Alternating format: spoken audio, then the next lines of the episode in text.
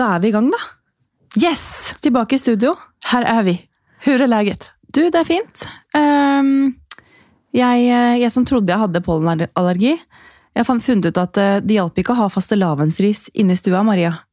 Jeg hadde jo kjøpt sånne planter som du har fjær på, for jeg syntes det var litt kult å ha hjemme. Du har redan bare påskpyntet? Ja, jeg begynte med det, og, så kom en tante på besøk og bare sånn Det er kanskje litt rart å ha det i stua når du er allergisk mot pollen, eller?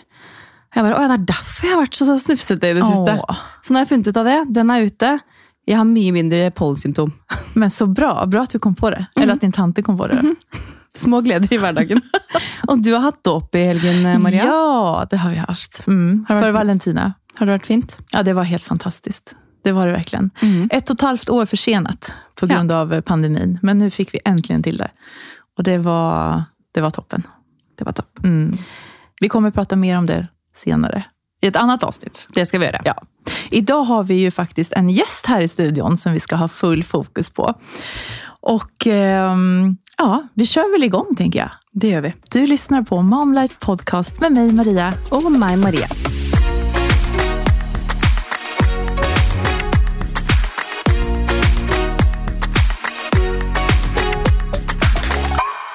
Du, I dag er vi så heldige å ha med oss en veldig kul dame her i studio. Eh, Folk kjenner henne kanskje som PT-Pia, som hun tidligere kalte seg i sine kanaler.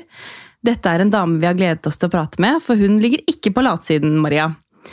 Eh, ikke er hun bare en sporty treningsdame, hun har også hatt en podcast, eller to podkaster i flere år.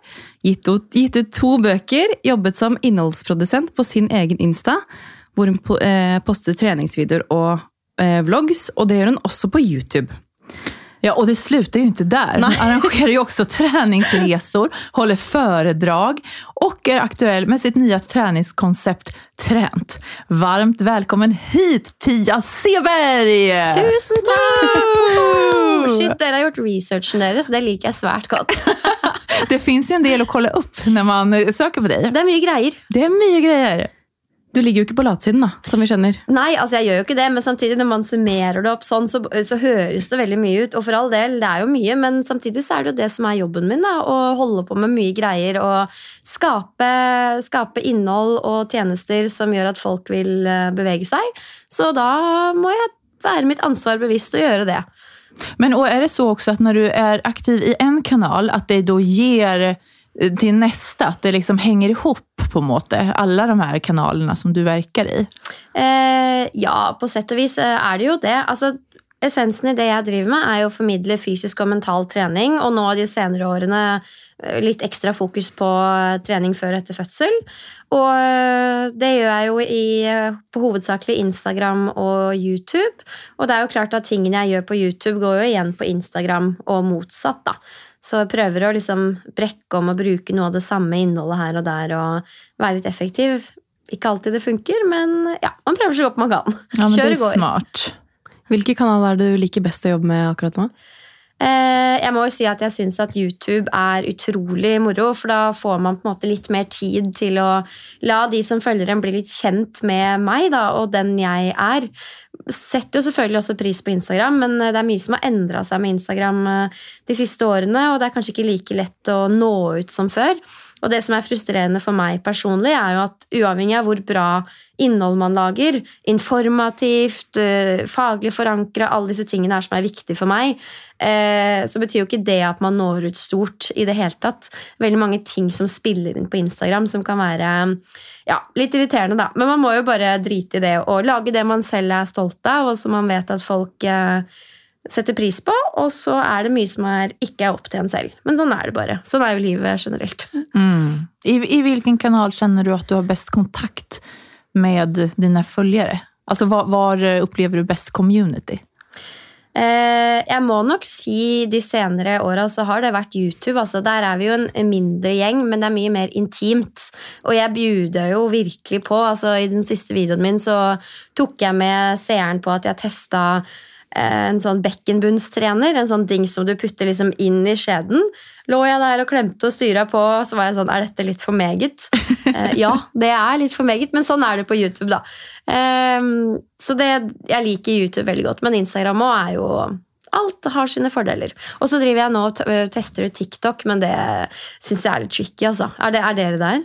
Nei. Nei, nei. ingen av oss er det. Det er litt sånn Grunnen til at den heter TikTok. altså sånn, Jeg kan ikke være der, for at da går timene altså så fort. Ja. Eh, Men eh, samboeren min er der, og han eh, lærer jo ekstremt mye der. da.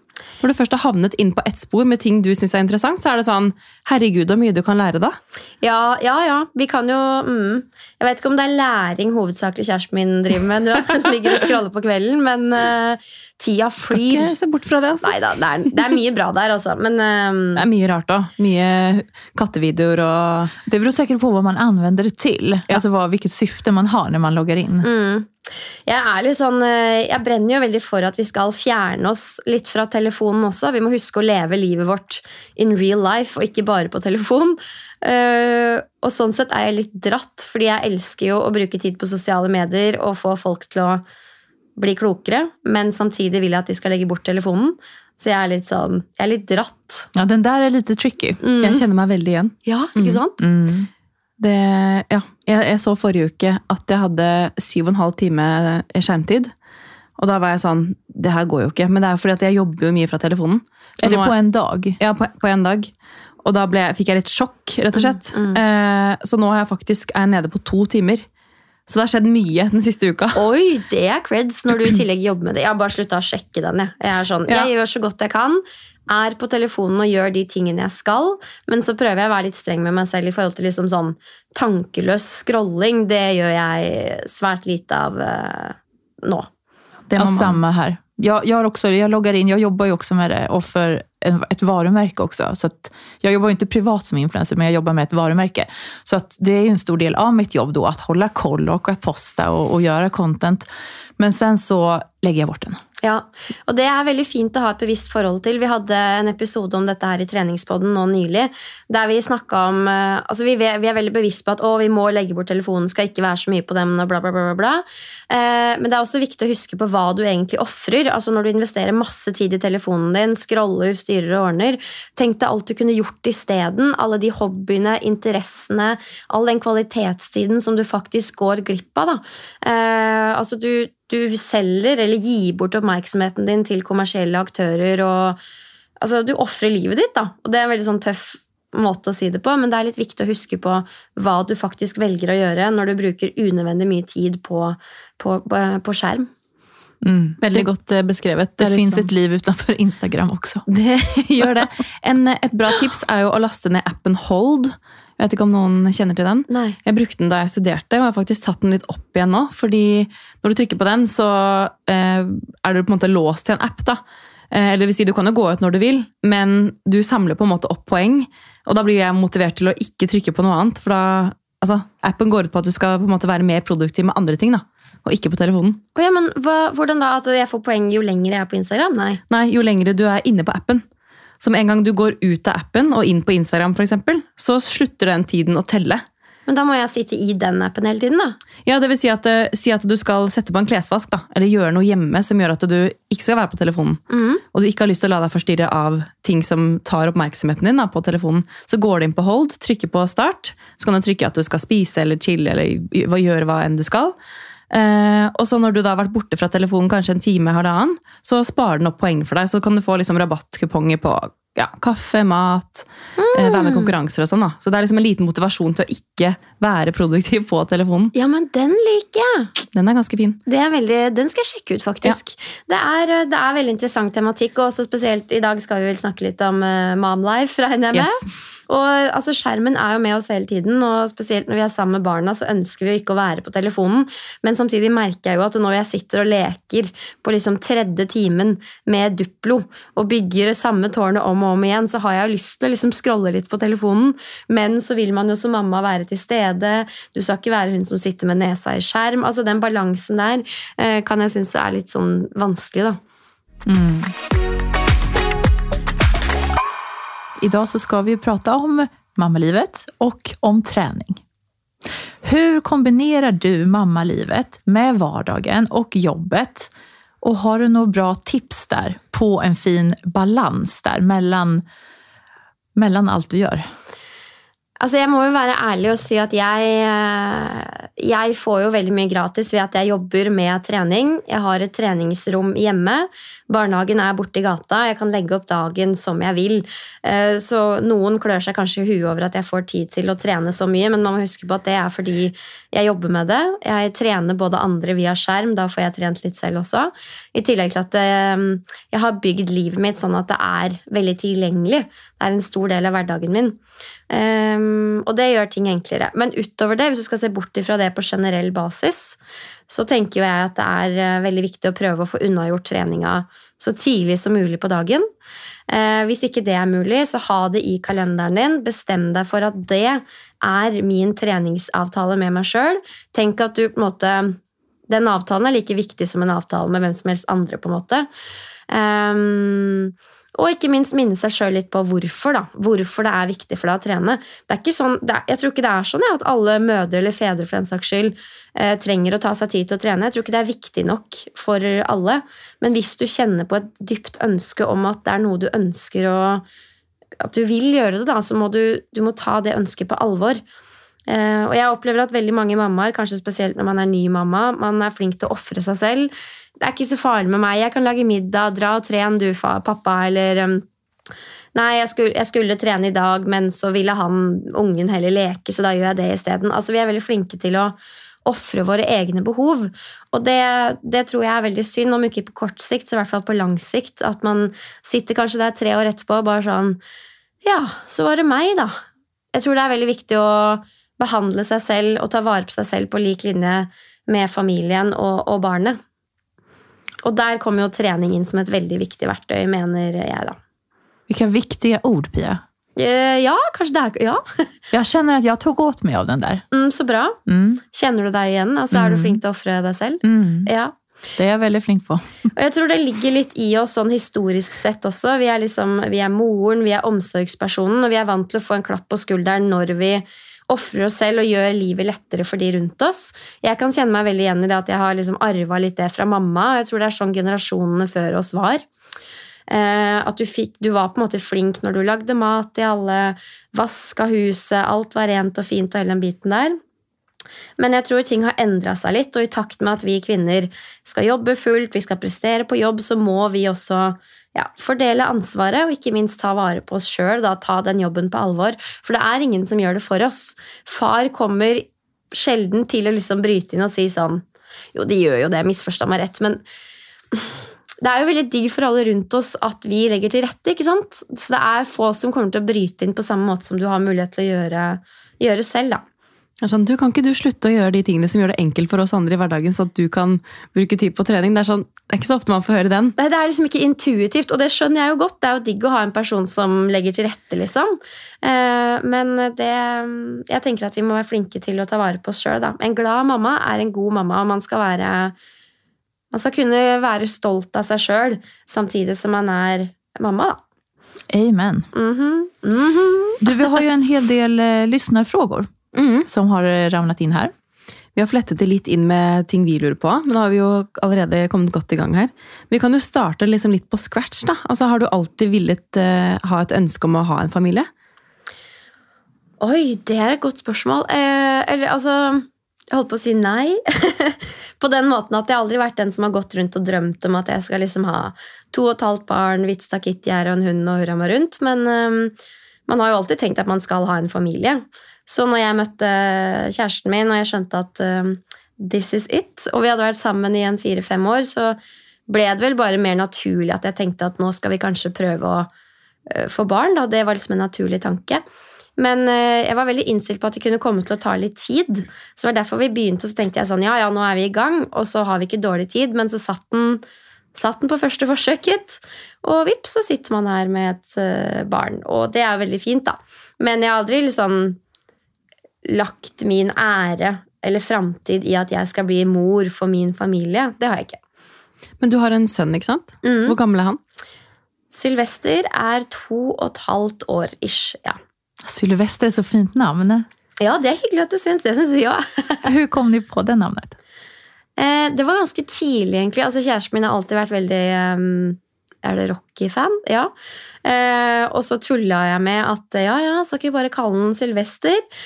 Og så syns vi begge to at det var litt sånn artig, litt kult og fint, og så ble det egentlig bare det. Vi liksom kalte han Sylvester hele veien.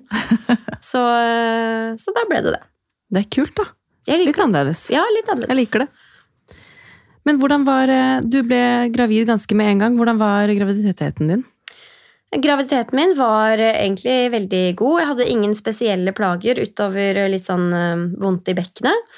Så etter hvert så begynte det å bli eh, trøblete å liksom gå lange avstander. Og mm, det var liksom slitsomt å for gå til togstasjonen, ha PT-kunder der man går fram og tilbake og styrer og ordner.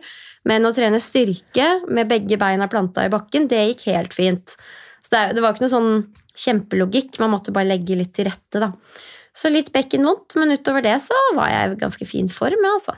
Mm. Men vi som fulgte deg på Instagram, jeg har jo fulgt deg en god stund, så er det sånn Du trente jo ganske hard trening da du var gravid, mener jeg å huske å ha sett.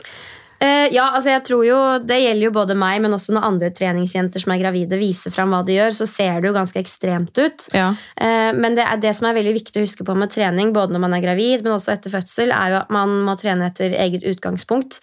Og vi som er veldig flinke til å vise fram hva vi gjør av trening, vi er jo også ganske sånn drevne og har god erfaring. Så det som så ut som ganske tøff trening for meg, var eh, sånn egentlig litt moderert i henhold til tilstanden jeg var i som gravid. Eh, men det ser ekstremt ut fordi mm, andre som ikke driver med trening, er ikke vant til å trene sånn. da. Men jeg skjønner hva du mener, det er mange som kommenterer, og så klipper man det sammen, og så speeder man opp tempoet litt, og man styrer og ordner. Ehm, men da er det bare viktig å ha det i bakhodet, og det har jo vært litt viktig for meg å kommunisere også nå i etterkant. Jeg har jo fått et veldig hjerte for kvinner som gravide og etter fødsel, og har prøvd å bygge et univers rundt det. Og um, det siste jeg har lansert nå, er et gravidkurs der jeg ønsker å lære den gravide kvinnen å trene og lytte til kroppen og forstå litt av disse tingene. For det, det er mange føringer når det kommer til trening som gravid, men det aller viktigste, en av de viktigste tingene i hvert fall, er at man tilpasser til eget utgangspunkt og det man gjorde før man var gravid. Så man skal ikke være redd for å trene, og det er ingenting i veien for å fortsette å løfte liksom relativt tungt da, hvis det er det du er vant med fra før. Men eh, du må nok ha en liten evne til å lytte til kroppen og mm, vite litt hva du driver med. Og det er jo blant annet noe av det jeg prøver å lære bort. da. Mm. Ja, for hvordan vet man sine egne grenser? Alltså, jeg tenker Når man er gravid så endres jo kroppen ganske mye generelt. Og da, hvilke grenser Hvordan vet man hva som er lagom? Er det noe særskilt man skal kjenne efter eller se efter? Altså, Vi har jo noen generelle retningslinjer som går ut på at man ikke man skal ikke skyhøyt opp i puls. altså Vi sier at grensa er eh, 85% av maks, men for oss som ikke har så mye forhold til det, så innebærer det at du skal kunne Du skal helt fint ha høy puls, men du skal kunne prate og svare i korte setninger. da, Så man kan moderere seg litt på f.eks. intervalltreninga. Uh, utover det så skal man ikke løfte blytungt, så man kan gjerne holde seg på en sånn 8-15 repetisjoner når man løfter, avhengig av utgangspunktet igjen. Um, og så skal man ikke gjøre noe som gjør vondt. Eh, Så med en gang man kjenner at kroppen sier ifra, enten der og da eller i etterkant av treninga, at åh, dette var litt irriterende eller plagsomt eller vondt, så skal man prøve å lære av det og, og justere treninga neste gang. da. Utover det så kan man fortsette å gjøre akkurat det samme som man gjorde før man ble gravid, med mindre du liksom drev med kickboksing, fordi vi ønsker å unngå sånn slag eller spark eller fall mot magen. Men um, det aller viktigste å kommunisere er at man bør fortsette å trene, eller hvis man ikke har trent før, at man setter i gang, fordi vi vet at det er så utrolig positivt for både mor og barn. da. Eh, og det man dessverre ser, er at veldig mange er redde fordi man er usikker. ikke sant? Så det er kanskje den aller viktigste myten å drepe, at det er ikke farlig å trene. Tvert imot så er det superpositivt, og det forebygger mange av de svangerskapskomplikasjonene som kan oppstå. da. Det er ikke sånn at hvis du trener, så slipper du unna alt, men det er større sannsynlighet for et uh, sunt og godt og trygt svangerskap og fødsel, ikke minst. Også tiden etterpå, at man kommer seg raskere. Mm. Så trening er bra. Det var det jeg skulle si. Ikke minst at du lader opp innenfor forlossningen. For forlossningen er jo også som et lite maraton. Ja. Det er jo Altså, ja. Det er jo alltid, alltid ett. Og det om det faktisk Jeg har jo en egen podkast som heter Trening etter fødsel, der jeg har snakka med mange treningsjenter om konseptet være gravid, føde og tida etterpå. Der en av de tingene jeg alltid spør om, er liksom, føler du at den gode fysiske formen din eh, var fordelaktig når du fødte. De fleste av oss svarer nok nei, fordi altså, det er umulig å forberede seg på en fødsel. Og selv om det kanskje det bidrar nok litt positivt, men er, altså, fødsel er blytungt uansett. Men øh, aller mest hensiktsmessig tror jeg kanskje er tida etterpå. At øh, når man er vant til å utsette kroppen sin for stress i form av trening, du er vant til å pushe på, kroppen blir brutt ned, den må hente seg inn igjen. altså Den er vant til den prosessen der. Og fødsel er jo også det. en megatreningsøkt der kroppen må hente seg inn igjen. Har man trent mye og er vant til det, så er det mye som tyder på at det kan gå litt enklere etter fødsel. At du kommer deg litt raskere. Eh, sett at du hadde et relativt friskt svangerskap, en ukomplisert fødsel. Det er mange ting som spiller inn. Mm. Du restituerer egentlig da, etter den harde økta med å føde. Rett og slett. Mm. Mm. Men nå som vi er litt inne på fødsel, har du lyst til å dra en rask fødselshistorie? Eh, ja, altså det er rart hvordan man glemmer. Det er sikkert dere enige og Det er jo veldig frist i minnet litt, og så bare fader det. Men eh, jeg husker jo at jeg syntes det var blytungt. Jeg gikk eh, mye på overtid. Måtte settes i gang. Fikk liksom modningspiller og hurra meg rundt. Plutselig gikk vannet, og mm, det som skjedde i mitt tilfelle, var vel at det ble liksom veldig, sånn, veldig kraftfulle rier. De pillene funka liksom veldig, veldig bra. Eh, og så prøvde vi da å balansere ut det med epidural. Da stoppa ting litt opp. Epiduralen funka bare på den ene siden. Det var mye greier. Pluss at eh, pulsen på Sylvester gikk litt sånn opp og ned. Han hadde det liksom ikke kjempebra hele veien. Så det var ikke noe sånn drømmefødsel der hvor han bare sklei ut. Det er vel ingen som har det, kanskje. Eh, men etter 14 gode timer så kom han til slutt eh, ut, da. Og mm, det var jo veldig, veldig fint, både fordi det var hyggelig å hilse på han kameraten, men, men, helt ærlig, kanskje aller mest fordi jeg var så letta for at det var over. Jeg husker at jeg på et tidspunkt der var bare sånn Bare få dette her til å slutte. Jeg trygla om keisersnitt. Eh, det var helt mayhem, liksom. Men så er det jo fint når det er over, da, men det er en helt sånn en sinnssyk opplevelse. Ja, det, det, er det virkelig. Det er jo, det føles ut, pardon my French her nå, som å bæsje en vannmelon. Oh, yes. det, er, det er liksom den beste beskrivelsen jeg har. Og man føler man føder ut av rumpa. Jeg var sånn, jeg sa til de rundt meg bare sånn Nå revner jeg på feil sted! Og de var sånn Nei, det er sånn det skal kjennes ut. Nei, det var helt sinnssykt. Helt sjukt. Det er da man skjønte at man Nå skal jeg føde. Fordi det er sånn 'Jeg må på do!' Ja. Nei, du må ikke på do! Du skal føde! Det kommer et menneske! Nei, det, er, eh, det var en eh, sjuk opplevelse som jeg eh, Kan ikke si at jeg ser frem til å eventuelt gjøre det igjen hvis jeg skulle hatt en til, men man må jo det hvis den ungen skal komme ut. man glemmer jo veldig fort, som du sier. Ja. Kjæresten min skrev opp, jeg fikk han til å skrive opp litt på notater. bare sånn, Kan du ta litt notater underveis? For jeg kommer til å glemme. Jeg er bare helt sikker på det. Ja. Og det er litt sånn, Når jeg leste notatet i etterkant, så er det sånn Oi, skjedde dette? Ja. Var jeg egentlig der til stede? Jeg vet, altså, hvis jeg skal gjøre det igjen, så har jeg lyst til å filme det. liksom. Ikke fordi det skal ut på YouTube, nødvendigvis, men det er, det, det er bare sånn Det er det råeste jeg og kjæresten min har opplevd sammen, og det hadde vært så gøy å ha det på video. Så eh, det får bli neste gang. Ja, jeg hadde med stativ faktisk og kamera, men jeg bare jeg hadde ikke sjans til å huske på at nei, det kameraet skulle settes opp. Det var kanskje ikke prio å stelle opp en kamera? Nei, det var liksom ikke det. Og det var sånn, når du skulle ha et bilde etterpå, så var det sånn Ja, alle sykepleierne er borte. Vi får ta en selfie, da. Ja, sånn. ja ikke sant. Og underveis, hvis han kjæresten hadde begynt å styre med det, så da hadde i hvert fall jeg blitt ganske forbanna, for jeg trengte han Altså, vi fødte sammen, for å si det sånn. Ja. Så nei, det er vel en av de stundene i livet der man skal la content vente og være i nuet. Mm. Yes, 100 mm, Ja, visst. Jag tror det är säkert en liten försvarsmekanism, det här att man glömmer bort också. För att som du säger Pia, den här smärtan. Och det här, jag minns bara att det kändes som min rygg skulle gå av. Alltså jag bara, nu, nu går min rygg seriöst av. Mm. Det, det er en, en känsla som er helt insane. Så får du den varme klumpen opp på brystet, og så har du glemt alt. Nesten med en gang. Ja, nesten. nesten. Jeg, jag, glömde, jag glömde inte allt på en gang. Jeg må si at jeg var helt traumatisert. Altså, sorry til dere som hører på nå og ikke har født, men jeg er litt opptatt av å liksom si det som det er. Og jeg var traumatisert over hvor jævlig det var. Eh, og kunne ønske i etterkant at jordmor hadde prøvd å preppe meg i enda større grad på at dette her er eh, Det kan virkelig oppleves eh, ja, som et traume. da. Jeg trodde egentlig ikke at det var mulig at man gjennomgikk så mye smerte på norske sykehus uten at noe ble gjort. Og så lå jeg der og bare sånn, prøvde i hvert fall å finne ut av hvor lenge er det igjen. Og da var de sånn Nei, det vet vi ikke. Det kan være en time. Det kan være et døgn. Men, stemmer ikke. Så de ikke hvor åpen du var? Kan de ikke si noe på det? Jo da, men, eh, og det var jo ikke så veldig åpen, men det var dritvondt. Og de visste jo ikke hvor fort det kom Nej, hur til å fort gå. du skulle åpne, jag fattar. Og så var det epidural, og da gikk det saktere, og så gikk det dritfort. Og det var liksom, det var helt mayhem inn på den stua der. Men, og du sa at din epidural fungerte ikke som det skulle heller. Nei, bare på den ene siden. Så, men så er det ikke sånn, et, i etterkant av noe sånt også, så er det mange, ting, det er mange spørsmålstegn som man kunne ønske at man hadde spurt om.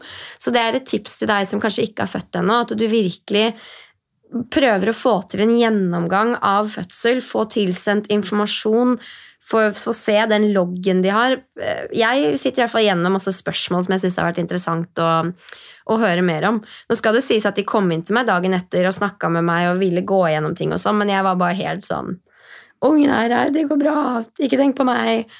Man er veldig sånn 'unnskyld at jeg er til' i den settingen, og det er også en ting Hvis jeg skulle gått inn og født igjen, så ville jeg vært mye mer preppa på hva jeg forventer i en fødselssetting.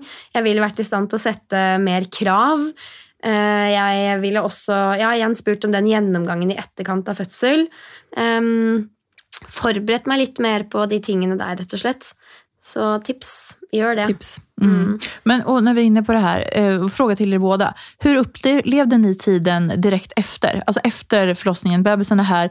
För då ska man ju gå igenom saker och ting med barnmorskorna, med läkare. Jag minns bara personligen första gången jag födde, jag var inte i stånd till att ta in någon som helst information. Jag minns att jag satt i det här rummet och jag bara, alltså allting bara snurrade. Jag såg typ ingenting. Jag, jag var helt borta. Jag är så glad att Fredrik, min man, var där då och kunde bara få in, få den här informationen. För att jag, jag fattade ingenting. Ja. Jag minns att jag kände så overklighetskänslor. Ja. Ja, nei, ja, altså jeg var nok i sjokk. Jeg kan ikke huske at vi hadde noe sånn gjennomgang, men det var veldig sånn surrealistisk at vi bare fikk med oss denne menneskebylten, og så bare sånn Og så en bunt med papper.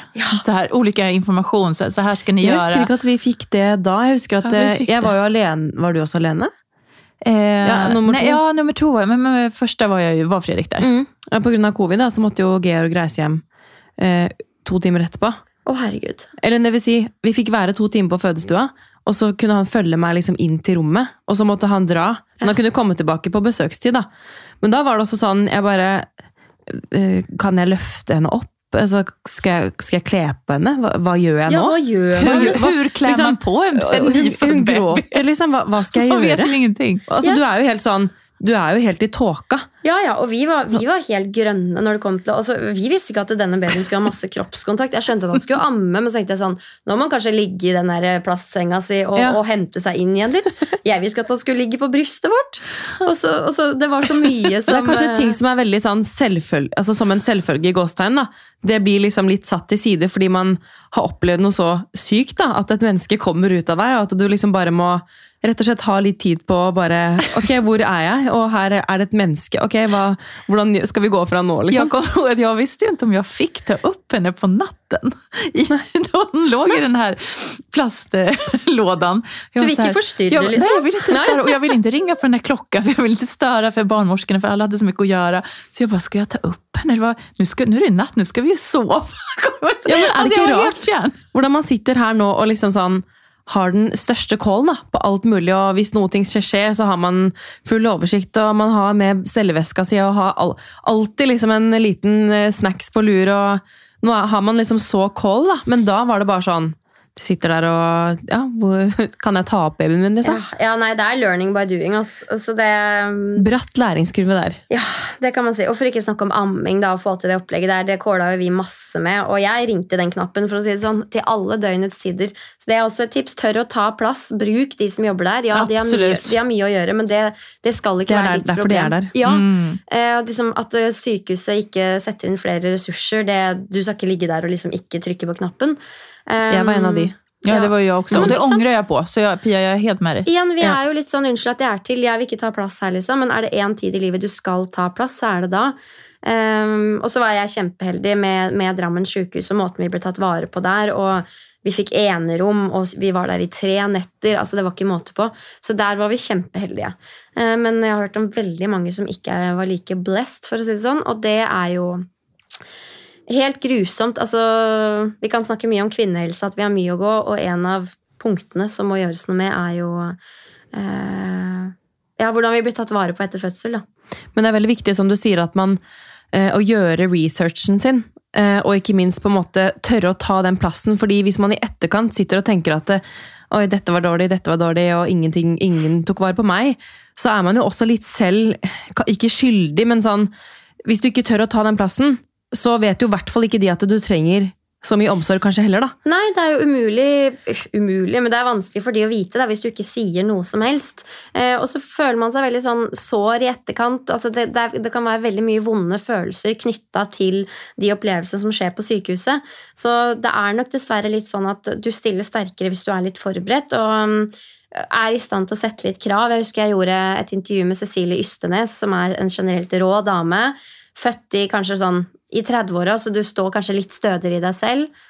Eh, og hun fordelte liksom underveis i episoden om hvordan hun satte litt krav underveis i fødsel. Da. Og da ble jeg veldig sånn inspirert og tenkte at fader heller, det skal jeg være i stand til å gjøre neste gang.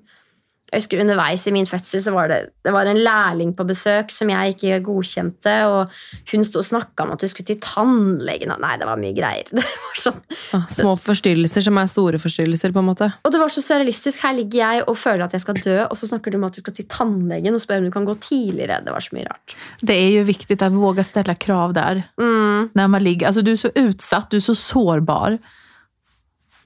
Så sjukt sårbar det er. Men altså, alle som lytter, kjør i går. Ungen kommer ut på den ene eller andre måten. Og vi må huske på at vi er utrolig privilegert. Altså, vi er vel et av de landene i Norge som har best eh, omsorg når det kommer Ja. til kvinnehelse og det å føde barn. Så det er jo um, litt som å klage på noe som er i utgangspunktet positivt, men samtidig man skal Tør stå på, stå på krava. Mm.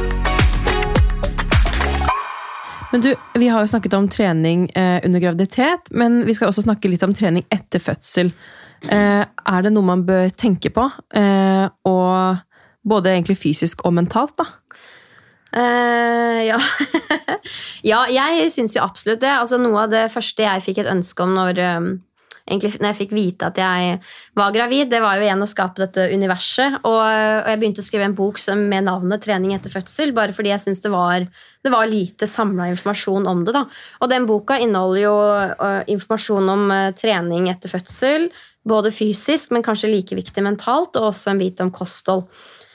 Og tanken der er at man skal kunne kjøpe den boka og føle at man lander litt, man får det man trenger for å ta vare på seg selv. Fordi det er så mange krefter som snakker om babyen, du må ta vare på babyen. Men du må huske å ta vare på deg sjøl òg, for å kunne liksom Jeg har boka. Har du? Ja, ja. Ikke sant? Ja, Och vi vill ha den. ja.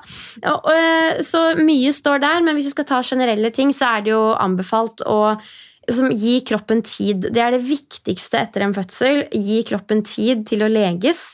Eh, og det er en grunn til at vi har den generelle regelen om at du skal vente en seks eh, uker etter en ukomplisert vaginal fødsel før du begynner å tenke på liksom, trening i ordets rette forstand. Så kan man jo diskutere hva som egentlig er trening og ikke, da, men seks uker, bare ta det chill, liksom. Eh, og så kan man begynne med litt trilleturer og disse tingene her. Eh, ta hensyn til bekkenbunnen og kjernen. Skal måte, du skal på en måte kjenne at du henger sammen før du begynner å utfordre spesielt magemuskulatur og bekkenbunn med liksom hopp og sprett. Men disse knipeøvelsene, altså bekkenbunnstreninga, det kan man gjøre den dagen man Altså, eller dagen etter fødsel. Det kan man gjøre så fort som mulig. Akkurat den treningen skulle jeg ønske at jeg visste litt mer om på forhånd. Ja, Fordi det var kanskje den treningen jeg begynte senest med. Ja, er ikke det rart? Uh, jeg, på mitt sykehus var de veldig flinke. Der hang det på en måte plakater om at nå kan du begynne å trene bekkenmunnen. Jeg tror det var det første jeg så når jeg skulle på do etter fødsel. Så var jeg sånn Ain't happening. men, uh, men gi kroppen tid. Det er det viktigste. Trilleturer, generell bevegelse, ta vare på deg sjøl sånn at du klarer å ta vare på babyen. Etter seks uker Begynn å tenke på å gjøre enkle øvelser hjemme på stuegulvet. Egen kroppsvekt, fokus på den indre grunnmuren og muskelkontakt. Og så kan du sakte, men sikkert begynne å gjenoppta den treninga du holdt med på før. Viktigste er å bygge seg opp gradvis, ikke liksom gå rett på vektene du hadde før du ble gravid. Tenk at du har brukt ni måneder på å liksom bære fram dette barnet, da, og da tar det fort opp mot liksom ni til tolv måneder, altså et år, på å bygge seg opp igjen. Og det er moro, det er spennende. Jeg var veldig sånn stressa på at jeg skulle ja, være stressa etter fødsel. At liksom, nå skal jeg back in the game. Men tvert imot så syns jeg det var deilig å bare slippe alle forventninger i forhold til hvor mye jeg skulle løfte, hvordan jeg skulle se ut. Det var nydelig å bare sette i gang litt sånn rolig og bygge seg opp igjen sakte, men sikkert. Å, det syns jeg òg. Ja, ikke sant? Det var digg å liksom ikke tenke at nå skal jeg se ut sånn eller sånn, fordi kroppen den, den healer seg jo, tro det eller ei, seg selv også. Veldig mye Selv om man skjer ikke pusher det, liksom. Ja, veldig mye skjer av seg selv. Uh, og så vil jeg slå et slag for at man begynner med litt styrkeøvelser hjemme på stuegulvet. Det er veldig mange som er så opptatt av å komme seg ut på sin første løpetur. Løping er en fantastisk måte å trene og bevege seg på, men det er også krevende for bl.a. bekkenbunnen. Så jeg som trener vil jo si at det kanskje er en av de siste tingene man begynner med etter en fødsel. da. Eh, og det er ikke norm altså Man skal liksom ikke tisse på seg i flere år på løpetur etter at man har født et barn. Da det er et tegn på at man eh, kanskje må trene bekkenbunn og andre ting først. da. Så styrkeøvninger hemma. Jeg vil absolutt si det, ja. Mm. Og du er jo mental trener også. Har du noen gode råd der? Ja, altså jeg har jo det, og eh, ja, hvor skal man begynne? En av de tingene jeg brenner litt for, er jo at man prøver, i hvert fall når man har vært mamma noen uker, at man prøver å forme litt sitt eget bilde på hva mammarollen skal innebære.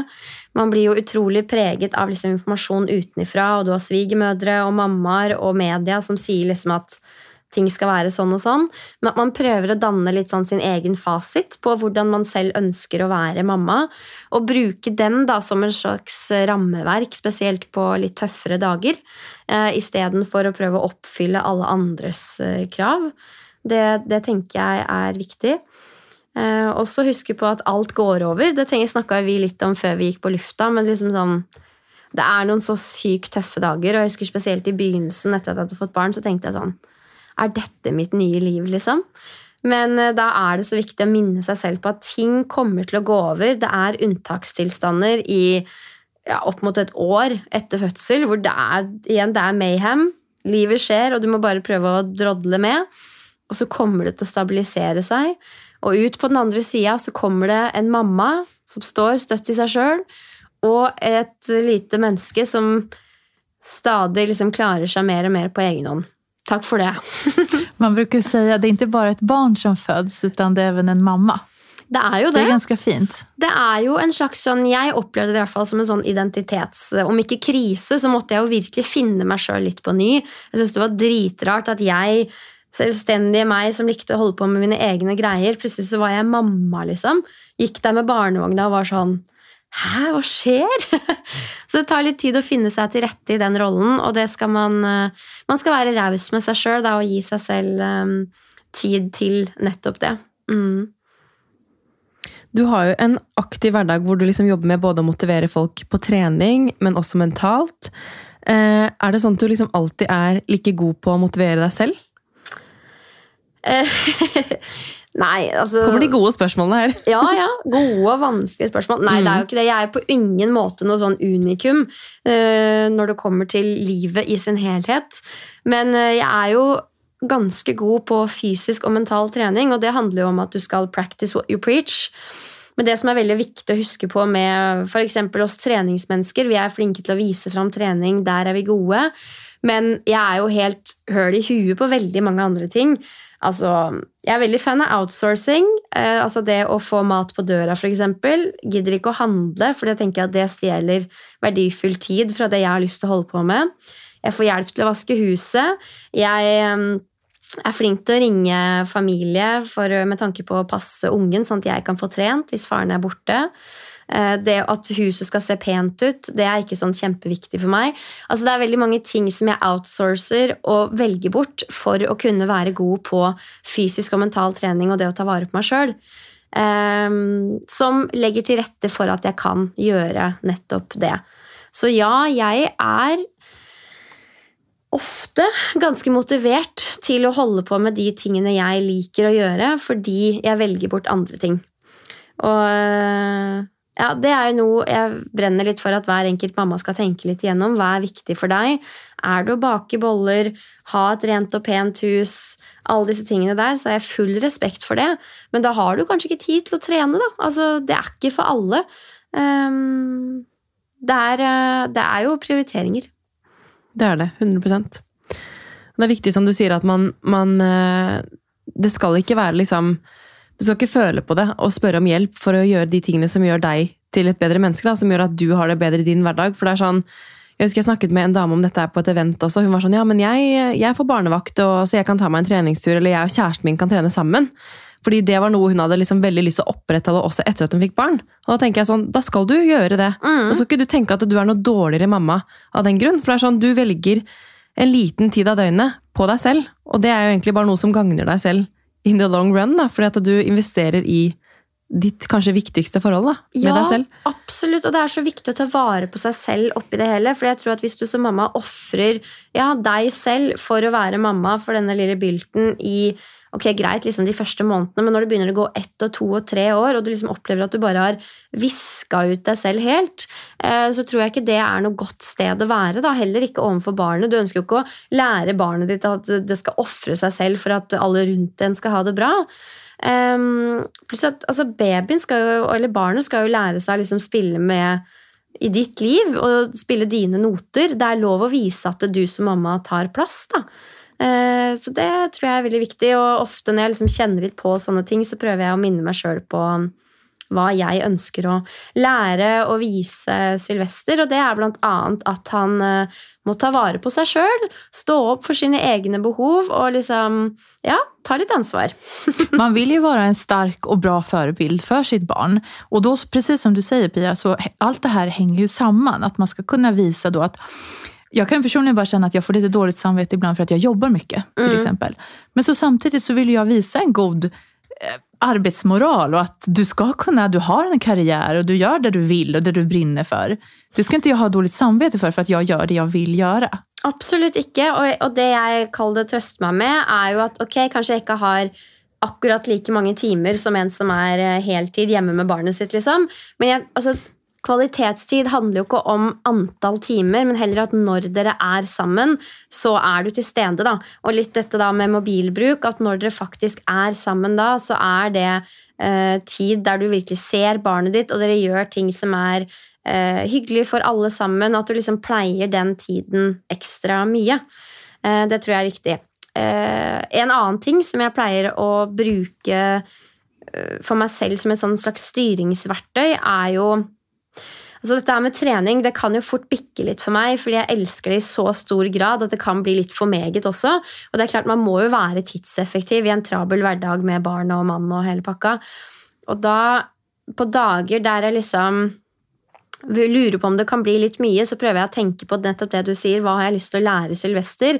Ville jeg at han skulle handla på denne måten hvis han var voksen? da? Og det funker på både når det kommer til jobb, når det kommer til trening. Altså, hva ville jeg ønska at Sylvester skulle valgt i denne situasjonen. For så lenge jeg tenker sånn, så sørger jeg også for at jeg ikke tar valg som måte gjør at det bikker. Skjønner dere litt hva jeg mener? Mm, jeg fatter precis. At du hele tiden skal se deg selv som en god rollemodell, og så lenge du gjør det, så handler du gjerne også da på en måte som gjør at du er stolt over deg sjøl, at du står godt i de valgene du tar. Eh, og hvis svaret er nei, liksom, for min egen del, og jeg kjenner at den treningsøkta trenger du faktisk ikke. Eller nå, nå må du lukke PC-en selv om du har hundrevis av ubesvarte mail, fordi det, Det ville jeg at Sylvester skulle gjort nå. Det høres rart ut, men det funker veldig bra. Det gjør det, altså. På tale om det, ni vet Ukrainas eh, president, fantastiske, han eh, sa jo det at sett ikke opp en bild på meg i era, på era kontor. Sett opp en bild på era barn, for det er da ni kommer gjøre en bra valen. Sa han til sine ansatte. Absolutt. Det er, eh, det er noe i det, altså. Mm. Du, ska vi köra sista lyttarfrågan? Ska vi se. Vad är dina bästa tips för en mer aktiv vardag? Å, gud. da, tenker, da, da er det vel vardagsmotion, tenker jeg. som, eller hverdagstrening. Ja. Aktivitet i vardagen. Mm. Her vil jeg gjerne høre deres tips òg, men jeg kan begynne. Eh, først og fremst så altså, tenker vi nå rett etter fødsel, eller sånn generelt som mamma. Eller hvor Kanskje er generelt som mamma. Litt generelt, ja. Ja. For det første så er det mye enklere hvis du kler deg litt depart. Altså sånn, det er kanskje lett for meg å si, da, men å gå i treningsklær fra morgenen av gjør det enklere å få trent. Om ikke det er mulig, kvelden før, ta så legg fram treningsklærne. eh, Sånn at det er litt lettere for deg. Du slipper å bruke masse tid på å finne fram det for å liksom komme i gang. Eh, Men utover det, kle deg på en måte som gjør at det er behagelig å bevege deg. Sånn som det å gå, gå til jobb for meg er et rent helvete hvis jeg går i klær som er ubehagelige. Hvis jeg har på meg joggeskoene mine, godbuksa, en deilig jakke, ryggsekken som sitter godt, da koster det så mye mindre. da. Og den hverdagsaktiviteten har så sinnssykt mye å si. Eh, videre, legge opp til at alle telefonmøter, telefonsamtaler, eh, alle sånne ting, det gjør du enten stående eller gående. at Det blir en sånn slags regel for deg selv. Ta trappa, alle disse tingene her. Og ikke minst, kanskje vi kan utvide perspektivet vårt i forhold til hva vi faktisk kan gjøre med barna. Herregud, så mye jeg har trent hjemme på stuegulvet sammen med Sylvester flyvende rundt, liksom. Jeg tror veldig mange tenker at jeg må på sats klokka fem på den gruppetimen for å få trent. Jeg skjønner greia, men da gjør man det veldig vanskelig for seg selv å få inn disse små øktene som gir godfølelse, da. Ehm, så hvis man heller tenker at man kan rigge seg til på stuegulvet med treningsmatta i kanskje noen slitne joggebukser og en eh, sportstopp som burde vært vaska, liksom. Du tok det som lå framme.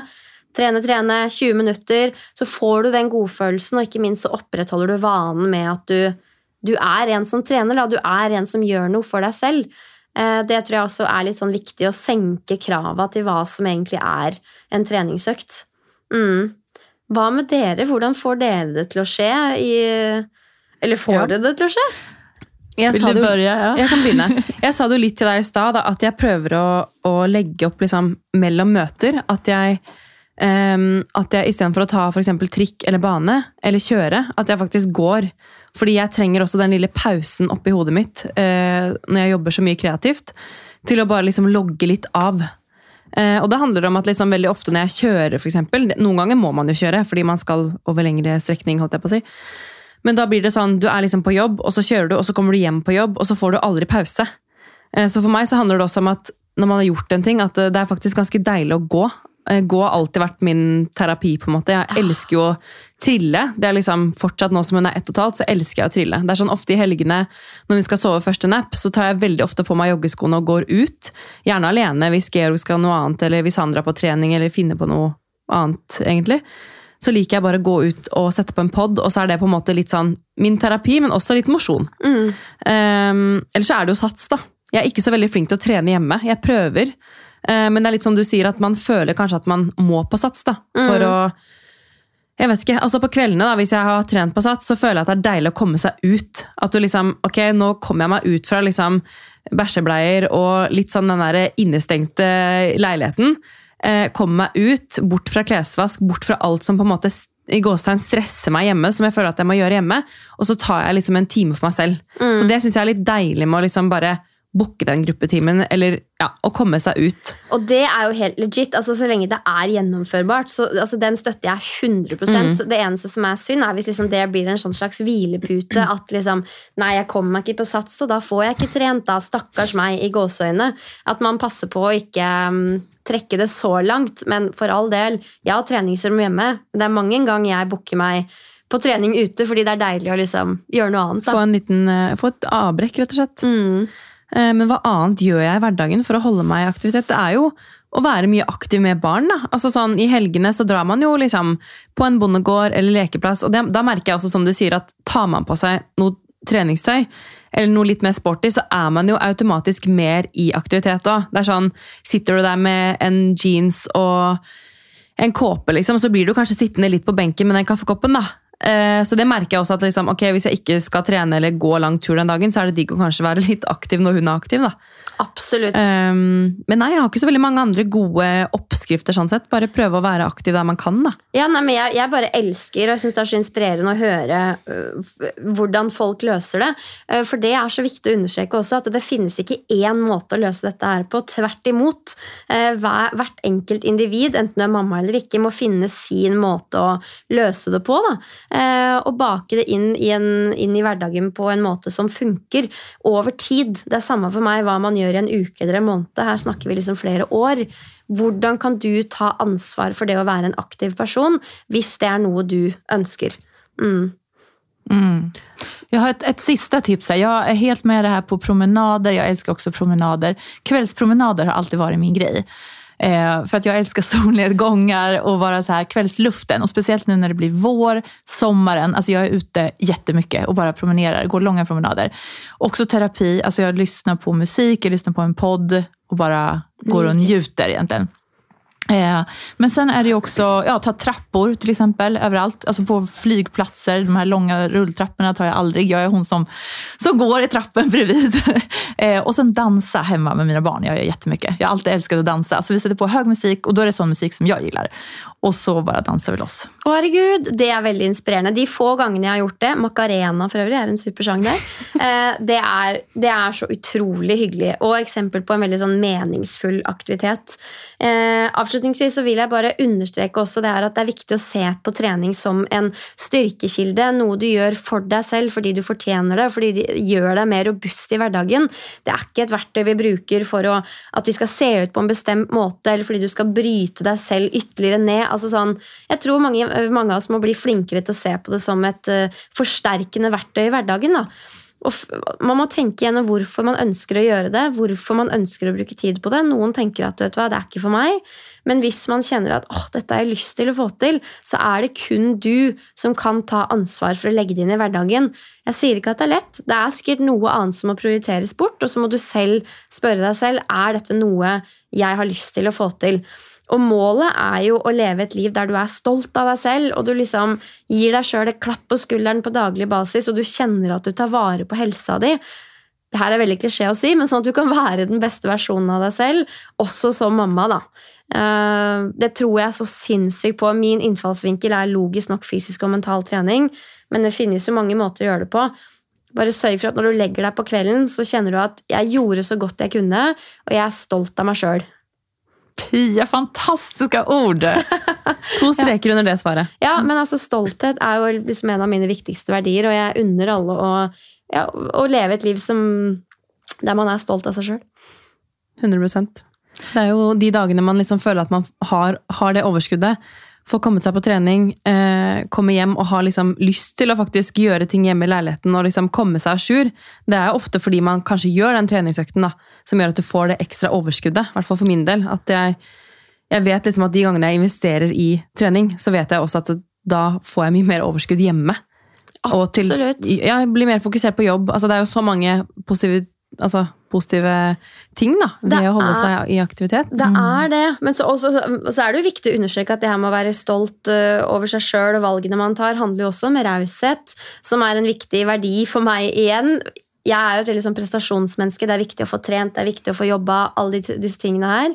Så for meg kan jeg legge meg på kvelden og være like stolt hvis jeg har klart å si at nei, i dag trener jeg ikke, i dag ligger jeg bare hjernedød i senga og ser på Netflix, liksom. Fordi jeg kjenner at jeg, jeg trenger å hvile. Det kan sitte lenger inne for meg enn å ta en treningsøkt. da. Eh, Men det, det kjenner jeg inni meg sjøl. Jeg er såpass bevisst på å kalle det mitt indre kompass. Og det er der jeg ønsker at eh, ja, både kvinner og menn skal være. egentlig, At man handler ut ifra seg selv og sin egen fasit, og ikke hele tiden søker utover. da. Det tror jeg er viktig for å leve et liv man, eh, man trives med, rett og slett. Om våre lyttere vil komme i kontakt med deg, hvor hittar de deg da? Åh, det er mange steder. Du kan gå inn på piaseberg.no. Der kan du lese alt om mine tilbud også når det kommer til trening før og etter graviditet, men også um, denne online treningsportalen min, for, som er for alle, egentlig. Den må dere teste. Hjemmetrening for dere to, vet du. Det Så dere hadde sånn eh, gratis eh, prøvetime der, vet du? Ja, ja, ja. ja. Jeg er så sugen på det. ja.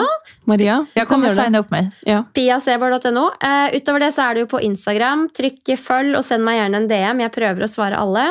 Eller så er det YouTube, da, hvis du virkelig er stoka på å følge Pia Seberg minutt for minutt. Nei, det er ikke så ille, men der går vi litt mer i dybden. Veldig interessant. Og så har vi jo podkasten Trening etter fødsel og Treningspodden. Pia, tusen takk for at du kom hit i dag. Takk for meg, det var dødskoselig!